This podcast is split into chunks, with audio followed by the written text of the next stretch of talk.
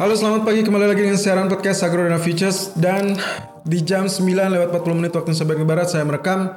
Kali ini indeks saham Asia Nikkei diawali dengan pembukaan 19080 lalu sempat naik sampai 19125 namun kembali turun atau tertekan sampai 18830. Oke, dari grafik yang kita share kemarin ternyata akhirnya garis yang kita miliki pertahanan dijebol ya.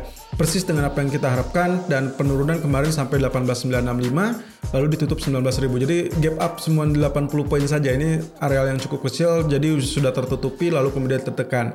Nah, faktor tekanan sendiri kurang lebih dari masih dalam krisis harga minyak ya.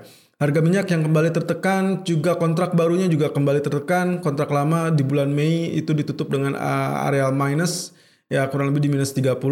Jadi kurang lebih ini saya rasa masih akan berakibat atau berdampak terhadap sentimen market. Dan itu yang menunjukkan bahwa pola pergerakan dalam market, terutama indeks saham, cenderung mengalami depresiasi. Tapi kita lihat untuk Nikkei sendiri, ada informasi dari media Jepang bahwa BOJ melakukan atau kembali mendowngrade uh, outlook ekonomi mereka, pertumbuhan ekonomi mereka. Well, of course, ini kemungkinan baru akan dirilis setelah pertemuan uh, BOJ meeting di tanggal 27 dan 28 April, jadi satu minggu lagi.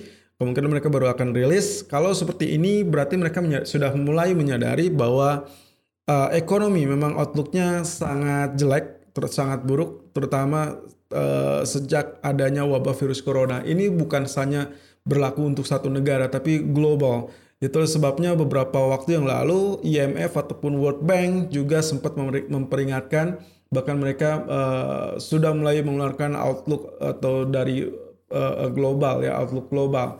Menurut mereka ekonomi global akan kecenderungannya mengalami penyusutan ataupun pelemahan ya atau relatif melambat. Yang sebelumnya masih dalam kategori melambat, belum belum bergerak stagnan dan sekarang justru dengan adanya virus yang uh, yang mewabah secara global atau pandemi global ini justru semakin menekan dari ekonomi dunia. So, untuk kali ini kalau kita lihat dengan pergerakannya, dia lihat lengkungannya sangat indah teman-teman kalau misalkan lihat dari polanya.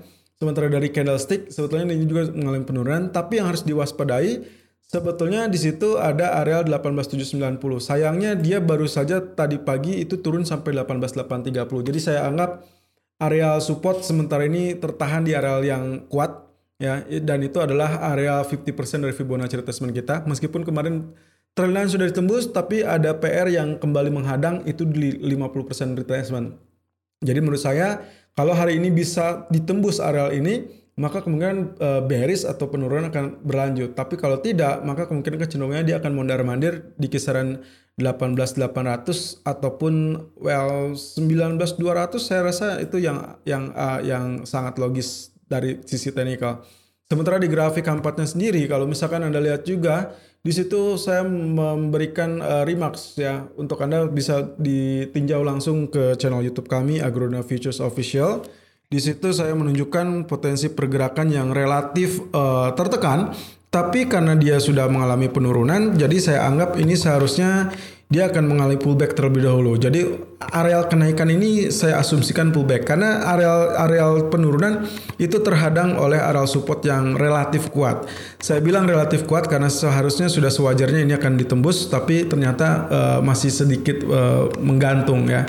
So sell on pullback kisaran 19.000 ataupun 19.015 saya rasa itu sangat-sangat uh, logis dengan target pertama 18.940, target keduanya 18.880. Stop loss di 19100 dan untuk kali ini running price masih berada 19030.